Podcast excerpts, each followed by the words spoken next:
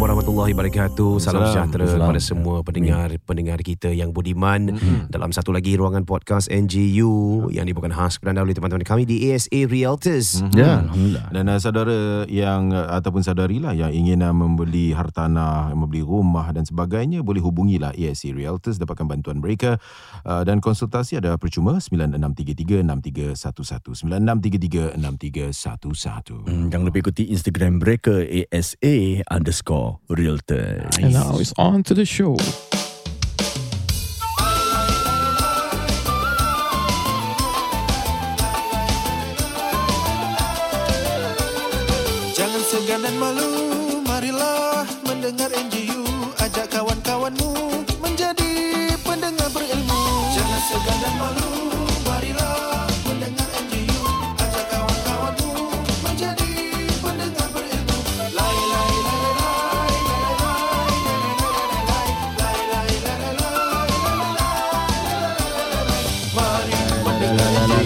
Kembali sekali lagi dalam satu lagi ruangan NJU yang mana soal dan juga jawapan yang bakal anda terima semuanya dalam satu podcast channel ini. Mm-hmm. Ada kalanya ustaz tak dapat menjawab soalan tidak mengapa. Yang penting adalah satu langkah yang kita ambil untuk bertanya. Mm. Pada Ya, mereka ya, yang arif dan juga yang pakar eh yang mana kita dapat eh, untuk kekalkan eh, untuk keluarga yang sakinah yang warahmah eh.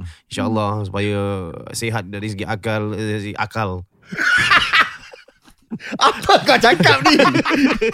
Sorry, Dia ustaz ke eh? Ustaz Ah, Fazila dia Kamsar. Dr. Fadila Doktor Kamsar. kan? Dia punya masters in communication uh, dengan psikologi something like that lah. Eh. Dia pasal perwatakan beliau dengan contoh-contoh dia lepas tu dia kaitkan dengan ayat-ayat dengan amalan-amalan. Hmm. Uh, jadi ada yang memanggil beliau ustaz lah. Uh, anyway saya pun dulu-dulu muda-muda kecil-kecil suka dengar motivasi eh? daripada beliau. Yeah, Baguslah. ya, Ya, ya, baik. Ya, ada soalan mungkin uh, Ya. macam mana ustaz baru pulang daripada Sabah? Macam mana Ya. keadaan Sabah? Oh okay uh, Sabah ni Satu Apa negara di bawah Bayu ke apa kan Anyway uh, Apa Di sini ada Ricardo Daripada Kinabalu Podcast Oh. Saya kagum eh Podcast Boleh Mempersaudarakan kita Ya. Hmm. Sehingga Kita da- dapat rasa kehangatan tau uh, Kehangatan persaudaraan tersebut Maksudnya I tak pernah jumpa dia Ya. Tapi dia kata I've always listened to NJU Hmm. Saya pun pernah tanya hukum Tapi kat sana Dia tunjukkan pembuktian persaudaraan tu Datang malam, Pukul 2 jam drive datang Hui. Lepas tu setiap malam saya kat sana dia message macam mana Ustaz kat sini ada apa-apa masalah gini. Sebelum saya datang, saya telefon hotel apa-apa semua yang hotel tak sempat layan semua. Ya. Dia telefon dia gertak hotel tu semua. Oi.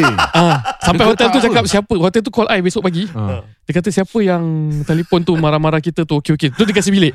So that kind of betul-betul Wow. punya sungguh-sungguh. My Ah. God. Tu tanya pasal kehidupan And then at the end of the day Maknanya Ada persaudaraan lah Melalui podcast ni Kita bukan hanya dengar suara Lepas tu tahu hukum Hmm. Tapi kita get to meet And get to apa Engage uh, Yeah. in, in, a, in, a, in, in our lifestyle lah Masya. Itu Terima tu kasih, satu benda terima kasih Ricardo kerana menjaga ustaz kami ya. Ya, Hmm, habis okay. Ustaz ah, nampak net net. Net mana? Net isteri dia. Oh ya Oh, ada. Beliau Pasal Ricardo ni keluarga saya. oh. Ha? Keluarga kau? Dia ada mafia kat Sabah. tak ada lah, tak ada lah. Saya gurau-gurau saya, gurau-gurau Ustaz eh. Maafkan saya. Ya. Ni saya main-main sajalah. Ya. Ha. Tapi pergilah Siapa yang nak bercuti Pasal Pasal kat Malaysia kita dah biasa kan Ya, ya, ya, ya, Itu ya. kan semenanjung kan Jadi Ya. saya pun dah, dah, dah pergi Sabah juga Tapi kali ni saya pergi pasal Okay budak-budak kat rumah Ada orang Nenek dia nak jaga Nenek Ya. Datuk Mm-mm. nenek dia Tak apalah Budak-budak tidur sini lah budak dia. Tengok ada tiga hari Ha? Bestnya. Ha, tiga hari, empat hari macam tak ada apa-apa, tak ada engagement kan, jarang-jarang macam ni. Hmm. Uh, okay lah, pergi lah Sabah. Dah on the way nak pergi lagi satu hari tu, saya cakap ah, takkan tak baik pula tak beritahu dia kan. Ya, kita ya, ya. tiba-tiba macam orang datang Singapore habis kita tak bilang. So I just Ya. cakap I'm going there. Hmm. Tiba-tiba dia cakap okay Ustaz, you bawa kereta ni. Ah ni kereta macam ni, ni kereta macam ni. Hmm. Kalau you nak hotel, hotel macam ni. Nak view macam ni. Kira all out ah, betul-betul nak kasih servis. Betul-betul Ya. nak berkhidmat. Itu yang saya ucapkan terima kasih. Hmm. Moga-moga saya dapat return the favour lah ya, dekat. Singapore bila awak datang sini insyaAllah. InsyaAllah, Hmm, insyaAllah. Luar Kalau biasa. Singapore punya return favour Ustaz kena nak kena, nak kena belikan bag branded tau. Okay.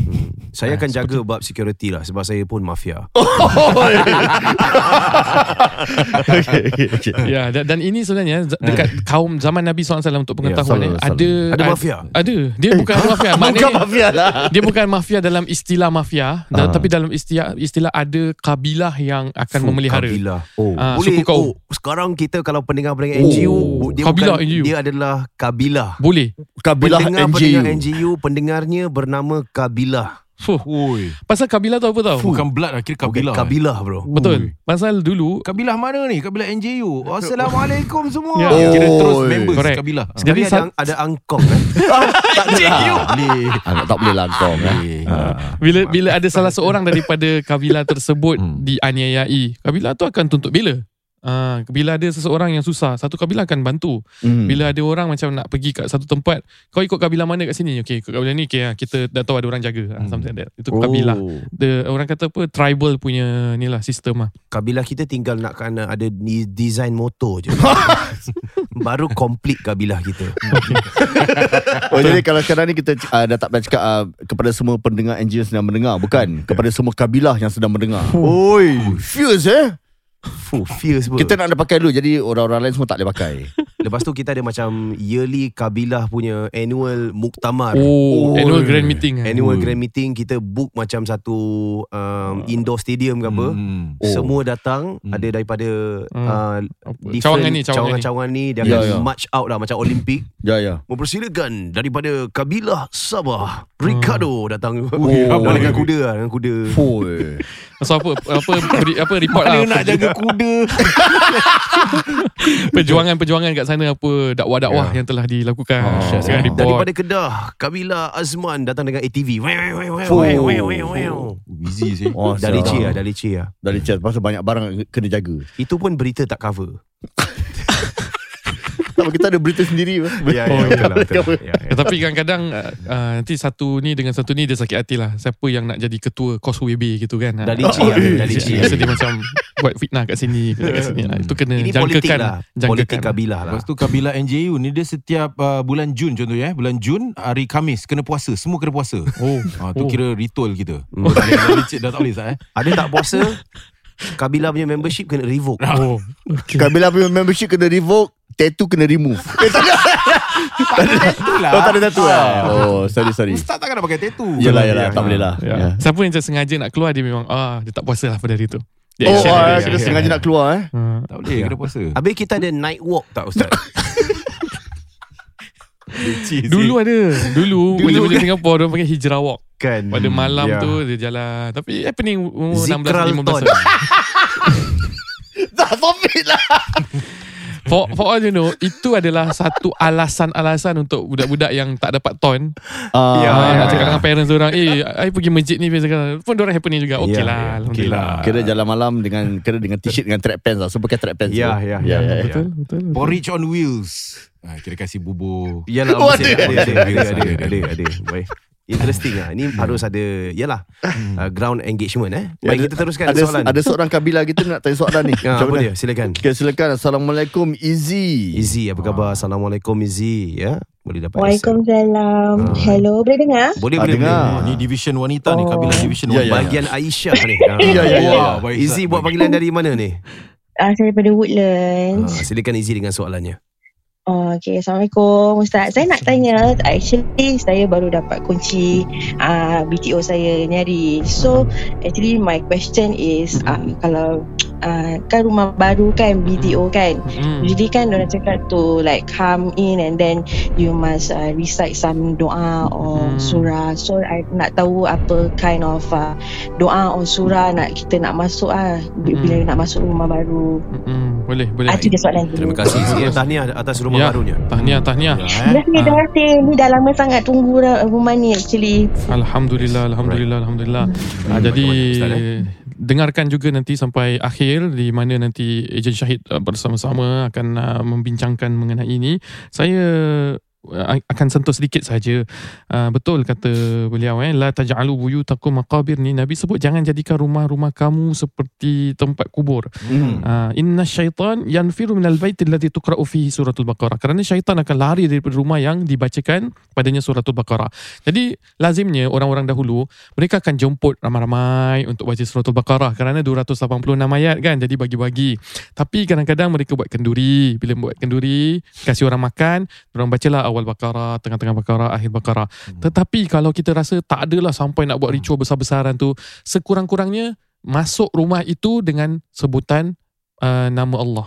Ah, jadi masuk rumah tu Assalamualaikum wa ala ibadillah solihin. Bismillah. Hmm. Masuk rumah mesti kena bismillah. Okey. Kemudian di penjuru rumah, dia tidak ada satu ritual yang Nabi sebutkan kamu kena buat macam ni bila masuk kena buat ni. Tidak Ya. ada satu ritual masuk rumah baru buat apa-apa semua.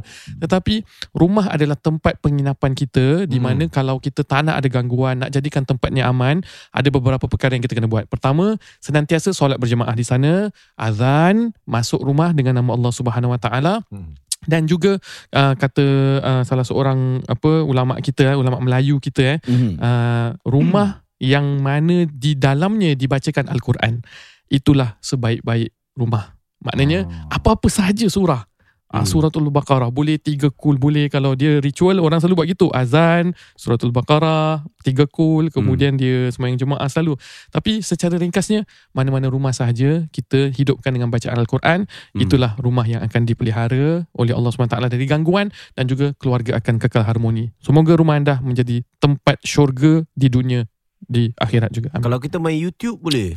Um, dia punya efek ni kalau dari segi Hmm. gangguan memang boleh dibacakan melalui apa sistem lah Ya. uh, YouTube ataupun audio kan tapi yang lebih baik adalah diri sendiri tu yang menghidupkan walaupun kita tak tahu baca kadang-kadang orang kata alasan "Ustaz, saya tak tahu surah al-baqarah saya tak tahu baca Quran saya tahu alif beta YouTube main je untuk konon-konon menghalau syaitan apa semua menghidupkan Hmm. apa apa at- atmosphere dan ambience tapi kita juga hidupkan rumah tu dengan baca al-Quran sendiri walaupun surah Ya. Al-Fatihah itu sebenarnya roh dia. Belajar ngaji lah panggil ustaz Belajar ustaz ngaji. ajar ngaji Betul. ahli bata Ya, belajar panggil lah dalam kabilah-kabilah, tu. Ah. yang lain Roh untuk dia saya suka dengan uh, penjiwaan dari sudut soul eh. Ya. Bila kita menyanyikan sesuatu, kita selalu cakap oh ni kurang soul lah. Hmm. Sebab kita Ah. perlu dinyanyikan eh beza dengan rakaman Okey, live punya betul. show. Samalah Hmm. hmm. saya rasa mungkin dari sudut penjiwaan pembacaan tu um, sesingkat mana pun pastikan kita yang sampaikan. betul Hmm. Kalau nak putarkan audio dan sebagainya tak ada masalah mungkin tu sebagai motivasi untuk kita satu hari nanti dapat membaca seperti mana yang telah pun dirakamkan Mm-mm. insyaallah baik seterusnya siapa Uh, satu soalan ni daripada um, Silakan. kabilah kita ya. ya Hmm. Assalamualaikum Ustaz dan. NJU Brothers. Ya Ya. saya. Waalaikumsalam Saya ada satu soalan yang dah lama bermain di benak fikiran saya. Saya minat MMA dan especially martial arts jiu-jitsu. Khabib eh Bukan bukan. Jiu-jitsu lain ada locking. oh The lock. Steven Seagal Ah ya ya. dia, ya. Aikido itu Aikido, Aikido. Aikido Saya minat MMA So my question is Bolehkah saya compete In any Jiu-Jitsu Or MMA competition Pasal for sure Someone will get hurt real bad Hope the ustaz Can help to answer my question And clear my doubt Pasal so far All the answers I've been getting Cannot clear this doubt. Penat fikir pasal ni. Please help. Thank you.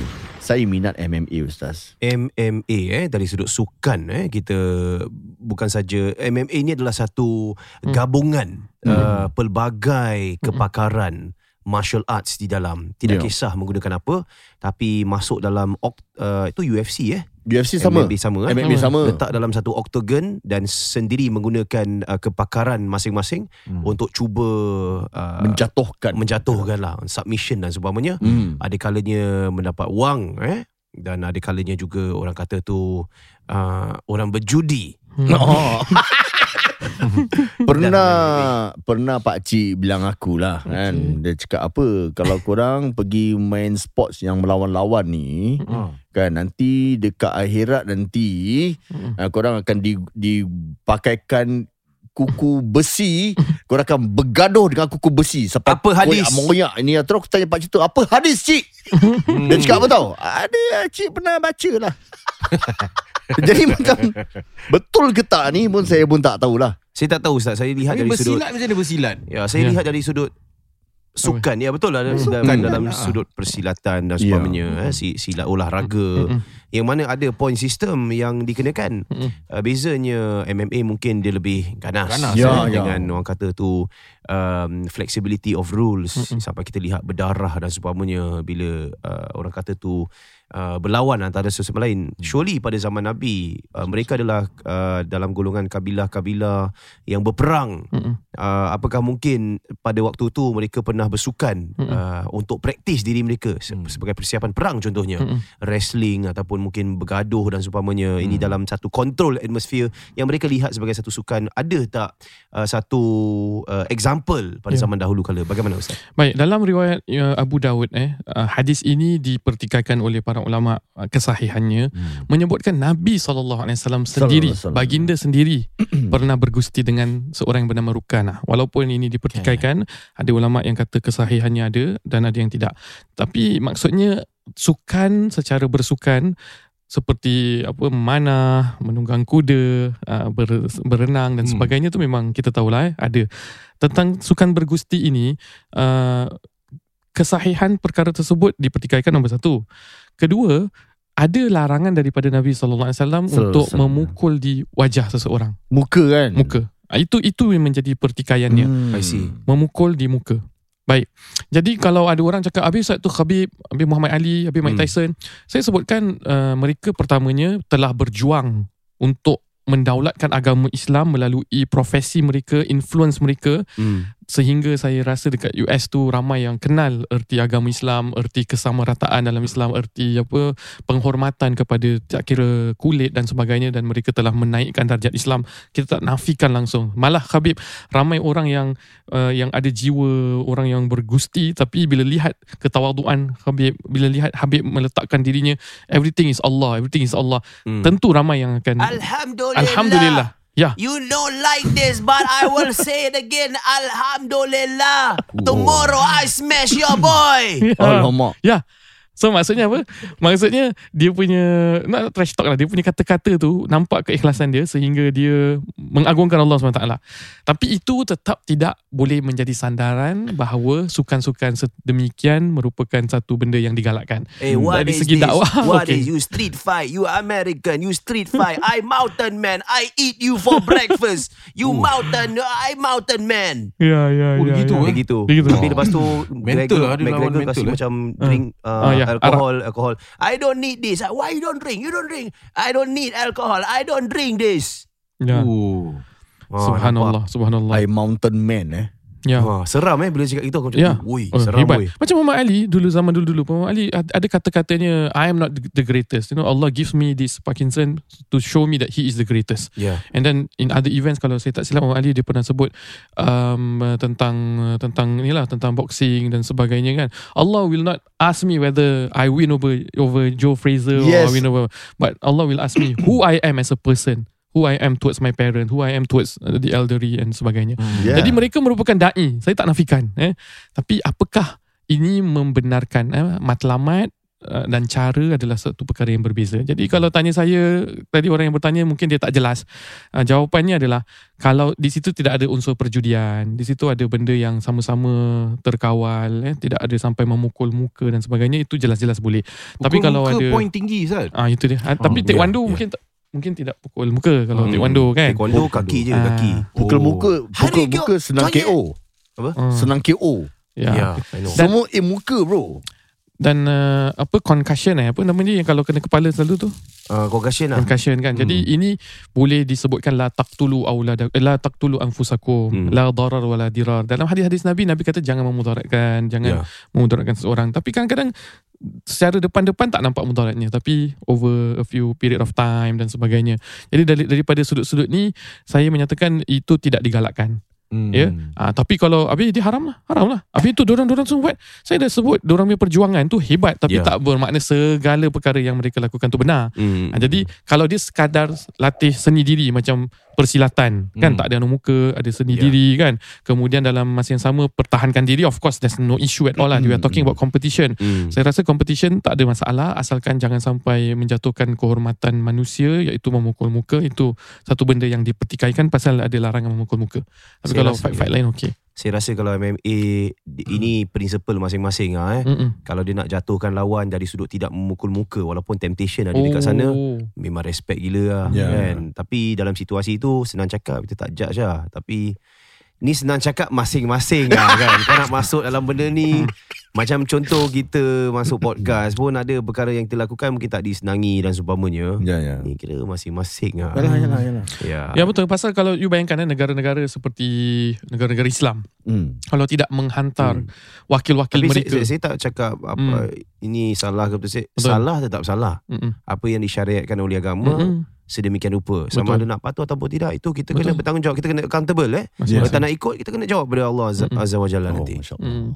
Ya seperti kan negara Islam bila mereka me- menghantar wakil-wakil mereka pada su- sukan-sukan yang konon-konon macam UFC dan sebagainya lah. Ya. Hmm. Jadi kita tak boleh cakap ah tengok negara ni pun dia orang ada pertimbangan mereka sendiri. Kalau Ya. mereka tak kirimkan ah, nanti apa kata dunia kan? Oh Ya. terlalu rigid dalam masa yang sama apa kata dunia dan ah, nama baik kehebatan orang Islam tak ternampak kat situ. Jadi ada macam-macam pertimbangan ah, sehingga setiap orang harus menjawab masing-masing sendiri. Alhamdulillah tidak pernah lupa kalimah walau mulut tercelupa. Oh. Bakat dipinjam Hmm. boleh ditarik semula Oh. pada bila-bila masa. Hmm. Alhamdulillah tak sujud pada sesiapa selain yang Maha Esa. Ini sementara. Manusia boleh merancang Tuhan tentukan segala. Aku masih bertakhta. Tidak lama satu hari orang baru akan memukul anda. Seperti Kendrick lama. Fuh. Asalkan jangan pukul muka eh tadi. Oh, Ustaz dia kasih eh, subtle eh. Masa dia pun masuk tiba tadi rap dia. Jadi uh, jangan lupa juga untuk berkorban di hari raya. Ya, ya, ya, ya, ya, ya. Okay, sebab kita ada negara-negara seperti Kenya, Bangladesh. Dhaka. Salah. Kenya, Dhaka. Dhaka, Oh, ya, Semarang ya. dan Dhaka. Kenya, Indonesia. Dhaka Semarang, dan- Indonesia. Ya bro Jadi semuanya terdapat dalam uh, pautan ini NJ garis miring shop Ayo sama-sama Yeah, kita yeah. melakukan ibadah ini Semoga kita dapat uh, Ini satu, satu investment jugalah Untuk kita menjadi muslimin dan muslimat Yang dipandang oleh Allah SWT Ayo sama-sama kita ada tiga buah negara uh, Dan uh, juga pada episod yang pertama tadi Kita dah bersama juga dengan Brother Hussein. Dah bercerita Kita dah bertanya dan sebagainya. Kawan-kawan kita sudah pun standby Untuk melakukan uh, ibadah korban bersama-sama anda. Ayo sama-sama sekali lagi NJ.SG garis miring shop. Dan kita akan berehat seketika Kita bersama teman-teman kami pula uh, Bersama Ustaz Syahid ESA Realtors Jadi bagaimana Ustaz? Ustaz NJU akan kembali selepas ini Sana Shwaya Ma'ana Selamat kembali dan podcast ini diberikan khas kepada anda oleh teman-teman kami di ASA Realtors. Bagi yang memerlukan konsultasi hartanah secara percuma nak tahu pasal jual beli rumah boleh hubungi saja ASA Realtors 9633 6311 9633 6311. Ikuti Instagram mereka ASA underscore Realtors. Kita Masa lagi bersama dengan Ya. Ustaz dengan siapa sih? bersama uh, yang berbahagia Ustaz uh, Ejen Syahid ya. Ustaz ini ustaz betul eh. Betul Ah, lah. ada yang pakai macam ustaz tapi dia bukan ustaz. Ada ada juga. Ada ARS. Ha? Ada ARS. Ah ni ada memang Apakah Azhar. yang ada ARS saja merupakan ustaz yang betul? Ha? Ha, kan aku dah, aku dah buka. Dah mendalam Ah. eh. Ustaz-ustaz pondok yang ajar pondok pun ustaz juga. Bagaimana ustaz di uh, Masjidil Haram? Oh. Mereka tak ada ARS. Apakah mereka bukan ustaz? I see, I see. Ini kat Singapura. Ini kat Singapura. Legislation hanya legislation saja. I see, I Bukan see. bermaksud ini hukum Allah. Ya ya ya ya ya. ya. Zaman-zaman Saya dulu je boleh cakap, ustaz tak boleh cakap. Ustaz Nuzan tak mau cakap apa-apa eh. Ha, zaman-zaman dulu mana ada sertifikat ni semua, tak ada.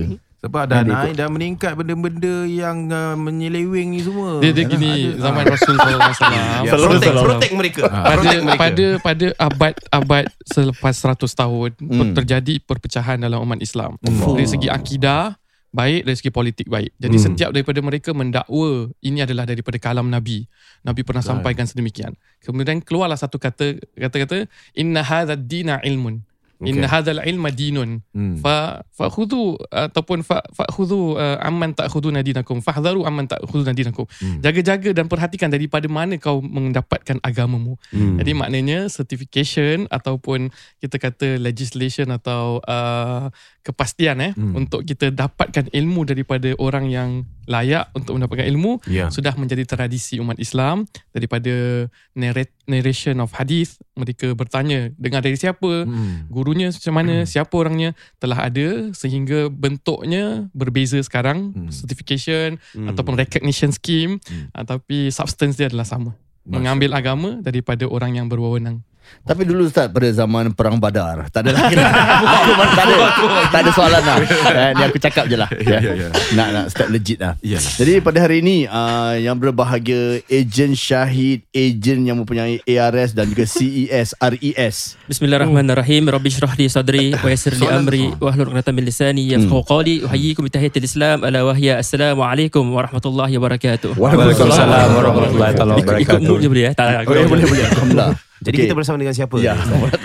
Hari ini kita bersama Adib dengan Nizam. Ah, Adib dengan Nizam dan kita dalam uh, topik untuk orang kata tu um, mengejar duniawi asset progression ya membina uh, apa orang kata tu uh, betul lah Ha? Ya.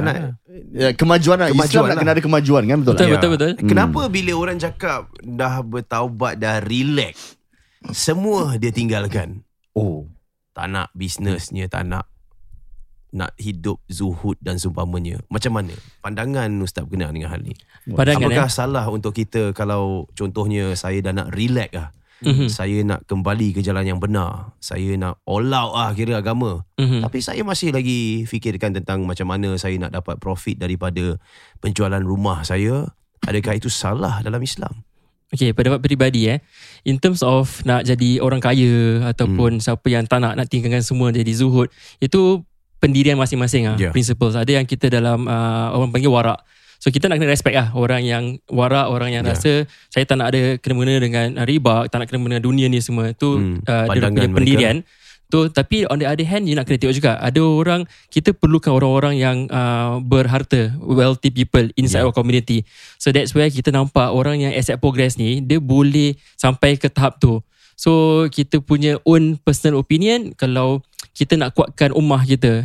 Wealth is one of it lah. Kita nak tolong bantu orang susah. Tapi dia punya niat dan matlamat yang kita tanam daripada permulaan tu harus betul, betul lah Ya. Uh, kan kita ada hadis innamal innamal a'malu binniyat. Kira-kira semua apa yang kita buat tu ada niat kita masing-masing. Hmm. So kalau kita nak jadi kaya, niat kita kalau niat murni untuk bantu masyarakat. Zaman dulu pun sahabat ada je uh, orang-orang yang kaya. Uh, Abdul Rahman bin Auf, uh, seterusnya kan. Semua diorang punya wealth tu banyak. Mhm. And then apa yang diorang gunakan wealth tu is the most important thing. Jadi kalau semua orang kat Singapore atau semua orang Islam nak zuhud, macam mana kita nak maju? Kita kita nak progress. Iyalah. Yeah, so that's where personally I feel ada dua uh, pandangan pandangan dua pe- types of people. Hmm. So untuk kita kita dalam uh, property main sector kita nampak okay kalau in terms of property you want to uh, make a good investment private property is one of the track. Tapi tak semua orang akan boleh pergilah. Kita Yeah. nak kena buat dia punya consult, I mean, dia punya calculations and everything. Mhm. Kita cuma nasihat and then dia ambil langkah itu dengan langkah yang berjaga-jaga. Ya. Yeah. Nasi, nasi. Yep. Yang Dan- dalam hadis pun kita ada al-mu'minul qawi khairun minal mu'minin dhaif, right? So orang yang kira mukmin yang kuat tu lebih baik daripada mukmin orang yang lemah. Mm. Uh, so kalau you nak fi kulli khair dan segala ke, segala kebaikan. Mm. So kalau kita lihat kat situ insyaallah kalau kita ada niat eh mi- misalan kita ada harta, kita ada wealth, kita ada uh, banyak property kat Singapore. And dulu orang-orang uh, ada certain people kat Singapore ni, orang ada few multiple properties from Betul. the previous generation. Hmm. And what's interesting about them Kita nampak ah, Kita nampak sendiri Masa kita in, the- in the line kan Diorang ada macam harta wakaf Harta Ya. warisan And then from wakaf tu Dia generate income And then dia kasih family Dia kasih masjid Dia kasih sekolah Ya. So Masya Allah I think that kind of uh, Intention Is really Satu amal jariah Sedekah jariah yang takkan putus Yang kalau kita boleh capai that part And uh, Masya Allah lah That's why cita-cita kita orang lah And hopefully kita dapat bantu Kalau kita tak dapat buat benda tu Kita dapat bantu masyarakat kita yang mampu Hmm, hmm. Untuk buat benda tu Baik, So, saya ya. buka gelanggang kepada teman-teman daripada DSA ni. Apa persiapan kita untuk asset progress ni? Apa yang kita perlu lihat sebenarnya sebelum kita dapat asset progress? Okay. Uh, saya saya mulakan dulu lah. Eh. Saya uh, Nizam. Uh, 20 tahun lepas lepas saya berumah tangga saya beli rumah resale lah uh, as normal couples dulu lah eh. Mm-hmm. Uh, dan selepas tu 10 tahun lepas tu uh, ada yalah uh, property prices pun tengah naik then uh, kita we were considering about on block Hmm. okay where uh, we actually bought uh, or we we consider buying a private property for the purpose of on block lah Mhm. okay that's one of the uh, asset progression that that that we can consider On block Because- meaning your area tengah on block lah. Ah uh, okay so I sold my resale punya rumah lah Yeah. uh, but of course rumah resale at that point of time tak macam rumah rumah BTO sekarang lah Yeah. eh? so uh, we made uh, a, a tiny profit lah small profit Mm. then selepas tu we progress to uh, development tempat tu memang lama lah. Mhm. Uh, but ada on block potential. Okay. How do we know of on block potential? Is it listed ke macam mana? Uh, usually you tengok the punya age, okay, the the age of uh, the development and uh, of course I think the the surrounding areas, what are the potential future developments that can that can happen lah. Okay, so um, yeah, so we we we we moved in and then right now we are into our second on block attempt lah.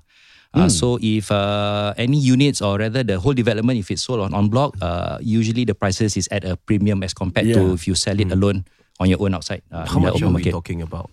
Uh, and um, okay, this is according to the uh, uh, marketing agent eh, that we engaged previously was uh, GLL. Then after that uh, was another one. Uh, anything between twenty to forty percent, depending on the reserve price that you have set. Mhm, Yeah, I so see. yeah, so from the price that you bought, and then uh, if if if you successfully uh, sold it on block, Mm, anything between twenty to forty percent more lah. Mm. Kira Yeah. SA ni boleh bantulah kasih some ideas lah macam oh ni boleh on block ni kau boleh nak, nak angkat kat rumah macam ni. So you guys will do that as well? Boleh insyaAllah Yeah, because boleh, we have access to like macam to monitor the surrounding Yeah. Yeah. and then uh, again these are all potential. Kita tak boleh promise orang yang Yalah. this development must be on block tapi based on our previous experience kita tengok dia punya land, kita tengok dia punya surrounding development there's potential. But of course how many years down the road Yeah. no one knows. So that's Uh, the it's a risk that concern. people take. Yep. Yeah. Yeah, that's the concern yang saya nak tanya. Gini, like in the case tak jadi on block, macam mana? Uh, do we are we holding on to a property that is arguably tengah devaluing as the years pass, atau should we cut our losses and just hold it on for three years and find another? What should we do dalam keadaan sedemikian? Depends lah. Different clients have different appetite, different Mm. patience level. Ada orang sanggup tunggu. Ada orang tak sanggup tunggu then they sell off. Uh, at the end of the day, private properties in Singapore is always on the uptrend. So dia orang takkan rugi in that sense lah. Cuma how Mm, much mm, profit I that they making uh, at that point of time lah. So that's what we can advise them lah. Mm, Ya macam ada orang even young couples nowadays dia orang pandai juga tau. Ada orang memang nak pergi beli pasal dia orang looking at potential on block punya Yeah. opportunity macam rumah-rumah dekat Beras Pasar. Mm. I have a few people kat sana. and dia orang beli macam eh ni rumah tua tapi dia orang beli pasal Mm. but that's a risk lah. A risk that people take. Affordability, berapa gaji yang kita perlu ada untuk afford this sort of property? Macam Uh, mana it tuan? depends lah Pasal uh, Tengok income level Satu Tengok the stability of their work Also another thing. Because generally loans Diorang tengok gaji. The higher income that you have The higher loan that you can take. But taking a higher loan You have to bear uh, You have to take into consideration Whether kita mampu tak Nak sustain punya monthly installment. That's why kita akan Work out dia punya reserve uh, Funds And seterusnya lah. Kita takkan Just ask them to Go in and everything. And uh, I think Adib can share more uh, In his own uh, Asset progression journey. So that uh, People yang dengar ni Dia orang faham lah How it's being done And kenapa uh, People do asset progression So Silakan, Adib, Adib dah beli private property sekarang. Uh, ya You saya. sell off your HDB flat. Ya saya. So boleh kita tanya um, how many room flat that you sell off? Uh, lima bilik. Five room to a three bedder, four bedder, five bedder. Uh, three bedder. To a three bedder. Yes, so roughly around 1.5 mil. Can I safely say that's uh, the price? bawah. About. So ikut 1.5 million of a property, bro. um, kira-kira One- one- one- 1.5 tak ada because bawah, I, bawah. I, I need to know apa dia? Bawah, bawah 1.2? 1.5. Around 1.2. Okay, ah, letaklah ah. 1.2 Ah. because I need to know the deposit that we need basically untuk kita accept progress. Hmm. So wait, okay. the five room flat kau beli bila? Like Uh, bila tu Hmm. dah bila MOP ke beli bila? um, beli bila? Beli bila 2010 Res- 2010, resale correct. or BTO? BTO. BTO. Okay. Yes, I- Oh, that's gr- that's Yeah, a, that's yeah. good news. yeah. So berapa tu? How much you made off the selling of that? Um, the profits I think it's around 180 around there. Okay. Okay. Around 180k. Yeah. Cash ah. Cash. Yes. okay, so correct. CPF patah balik tak boleh bilang boleh bilang tak? CPF patah CPF returning balik. like both you and your wife. Uh, basically around 6 digit lah basically. Six Ah, digit. ah. Mm, mm, mm. Jadi you beli um, ambil loan to accept progress ni how many percent loan you ambil daripada bank? How many as uh, how many how many percent loan that we take from the bank? is it? Yeah, 80% or 75%? 75. 75. Jadi you nak kena down 25%.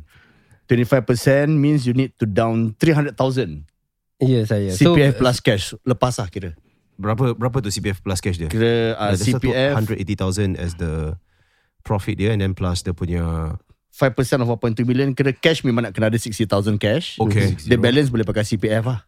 Betul. cash kena ada 60,000 lah. Yes, Yes, correct. Okay. And Jadi then cash dia pun lepas because he got 180,000 180,000, cash. yes. I correct. see. CPF dia patah balik about 6 figures. So he need about Another like how many hundred thousand? So technically he didn't come out a single cent hmm, tak from his cash flow to to asset progress ah. tak payah pakai savings pun. Right. Wow. Yeah, that's why uh, I think people just need to know the structure lah. Mm, Because mm. personally pun kadang-kadang kita tengok private property satu benda yang jauh ataupun tak boleh capai Yeah. untuk orang-orang kaya je. Hmm. But it's actually not. It's actually more onto your planning. Uh, how you plan Mm, lah Because mm. generally Kalau kita nak tahu 5% Macam Razi kata lah 5% has to be in cash 20% can be CPF Or cash Or combination of both Mm. And the maximum loan That a person can take Is 75% Mm. So that is where kita buat dengan calculation lah. Kalau rasanya okay, mampu, and then they want to accept progress, I think it's a good opportunity uh, for their future. lah.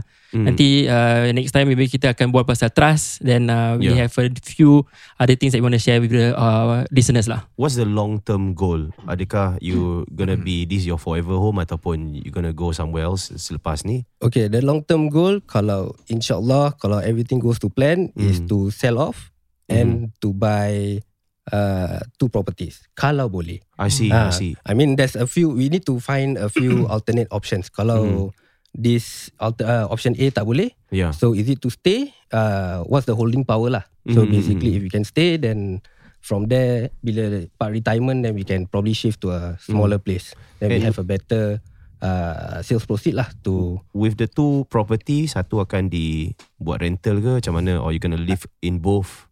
Okay, so uh, for the two properties, basically normally I will stay. I mean, we will stay in one, Mm. then the other one is for investment purposes to rent out. I see. So I two see. private or one HDB, one private? Uh, it will be two private condos. Two private condos ah. Yes, I see. correct. Wow, I that's see. good. So there's ABSD. Apa ABSD involved ah? Eh? Additional buyer stamp duty. Yeah. Uh, sekarang dah 17%. Ah, Uh, tapi so- there are ways lah. People sometimes they decouple. Decouple maknanya the husband and wife orang uh, pecahkan demi ownership and then uh, they go and buy their own properties lah.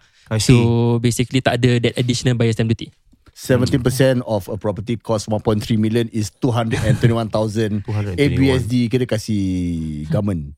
Yes. Stamp Yeah. fee je Tu stamp fee je Berapa government sengat eh? Ah, 200 yalah, ribu. 200 lebih. Billions of dollars. Yeah. Wow. Ya.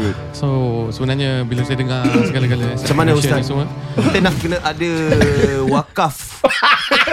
Siapa Okay. yang jaga uh, wakaf-wakaf ni kat semua? Tak, tak, Baik, baik, baik. Itu satu tajuk yang lagi panjang. Eh. Tapi uh, cakap pasal asset progression, saya rasa gembira teruja melihat uh, masyarakat kita sekarang semakin banyak, semakin celik, semakin Hmm. prihatin. Ya. Dan saya nak meyakinkan semua pendengar, iaitu dalam merancang tentang kewangan, uh, tentang erti zuhud sekalipun, Hmm. ia bukan bermakna kita harus makan apa uh, Nasi garam, ah, nasi garam. garam. Ikan kering. konsep ikan kering eh uh, ataupun konsep zuhud tu adalah kita tidak memegang harta tu di hati kita sehingga kita terlalaikan. La tulhikum amwalakum wala auladukum an zikrillah.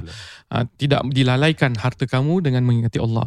Tetapi sejarah membuktikan sahabat-sahabat yang dijanjikan syurga merupakan orang yang kaya. Hmm. Sayyidina Uthman disebutkan ma darra ma fa'ala Uthman bihi ba'da al-yawm Nabi kata aku jamin Sayyidina Uthman dengan syurga tidak akan memudaratkan dia sesuatu apa yang dia lakukan pada hari ini Hmm. kerana harta beliau. Masya dan harta beliau sama ada dari dagangan dari perancangan. Sahabat-sahabat merupakan orang yang merancang jauh. Umat Islam adalah merupakan orang yang pernah menguasai dunia bukan dari sudut advancement akhlak tek- teknologi. Tetapi harta. Yang Syafi'i kata nak belajar pun mesti ada harta. Hmm. jadi perkara-perkara seperti ini moga-moga bila kita dengar kita diberikan hidayah untuk dengar moga-moga kita ya, dapat mengenali orang-orang yang ada ilmu seperti ini yang sudi untuk membantu sehingga kan mungkin pada masa-masa akan datang 10 20 tahun akan datang generasi kita mendapatkan ilmu mendapat menjadi orang lebih baik berpandukan usaha dan perancangan yang pernah kita lakukan dan segala-galanya ini adalah rezeki daripada Allah SWT insyaAllah. Pastinya podcast ini dibuatkan khas kepada oleh teman-teman kami di ASA Realtors. Nah, bagi mereka yang inginkan memerlukan konsultasi, bagi mereka yang ingin progression insya-Allah menjadi orang Islam yang kuat, untuk orang Islam yang maju berjaya harus ada perancangan yang murni, pergi kepada ASA Realtors sebab mereka tahu, mereka lebih tahu, jangan buat sendiri ya. Kalau apa tu, apa in kuntum la ta'lamun apa? fas'alu ahla dzikri. khaira ummatin ukhrijat linnas. Okey baik. Oh, Jadi salah. dapatkan uh, khidmat mereka 9633 6311 9633 6311. Dan juga ikuti Tak boleh ke tak boleh Ikuti Instagram mereka ASA underscore realtors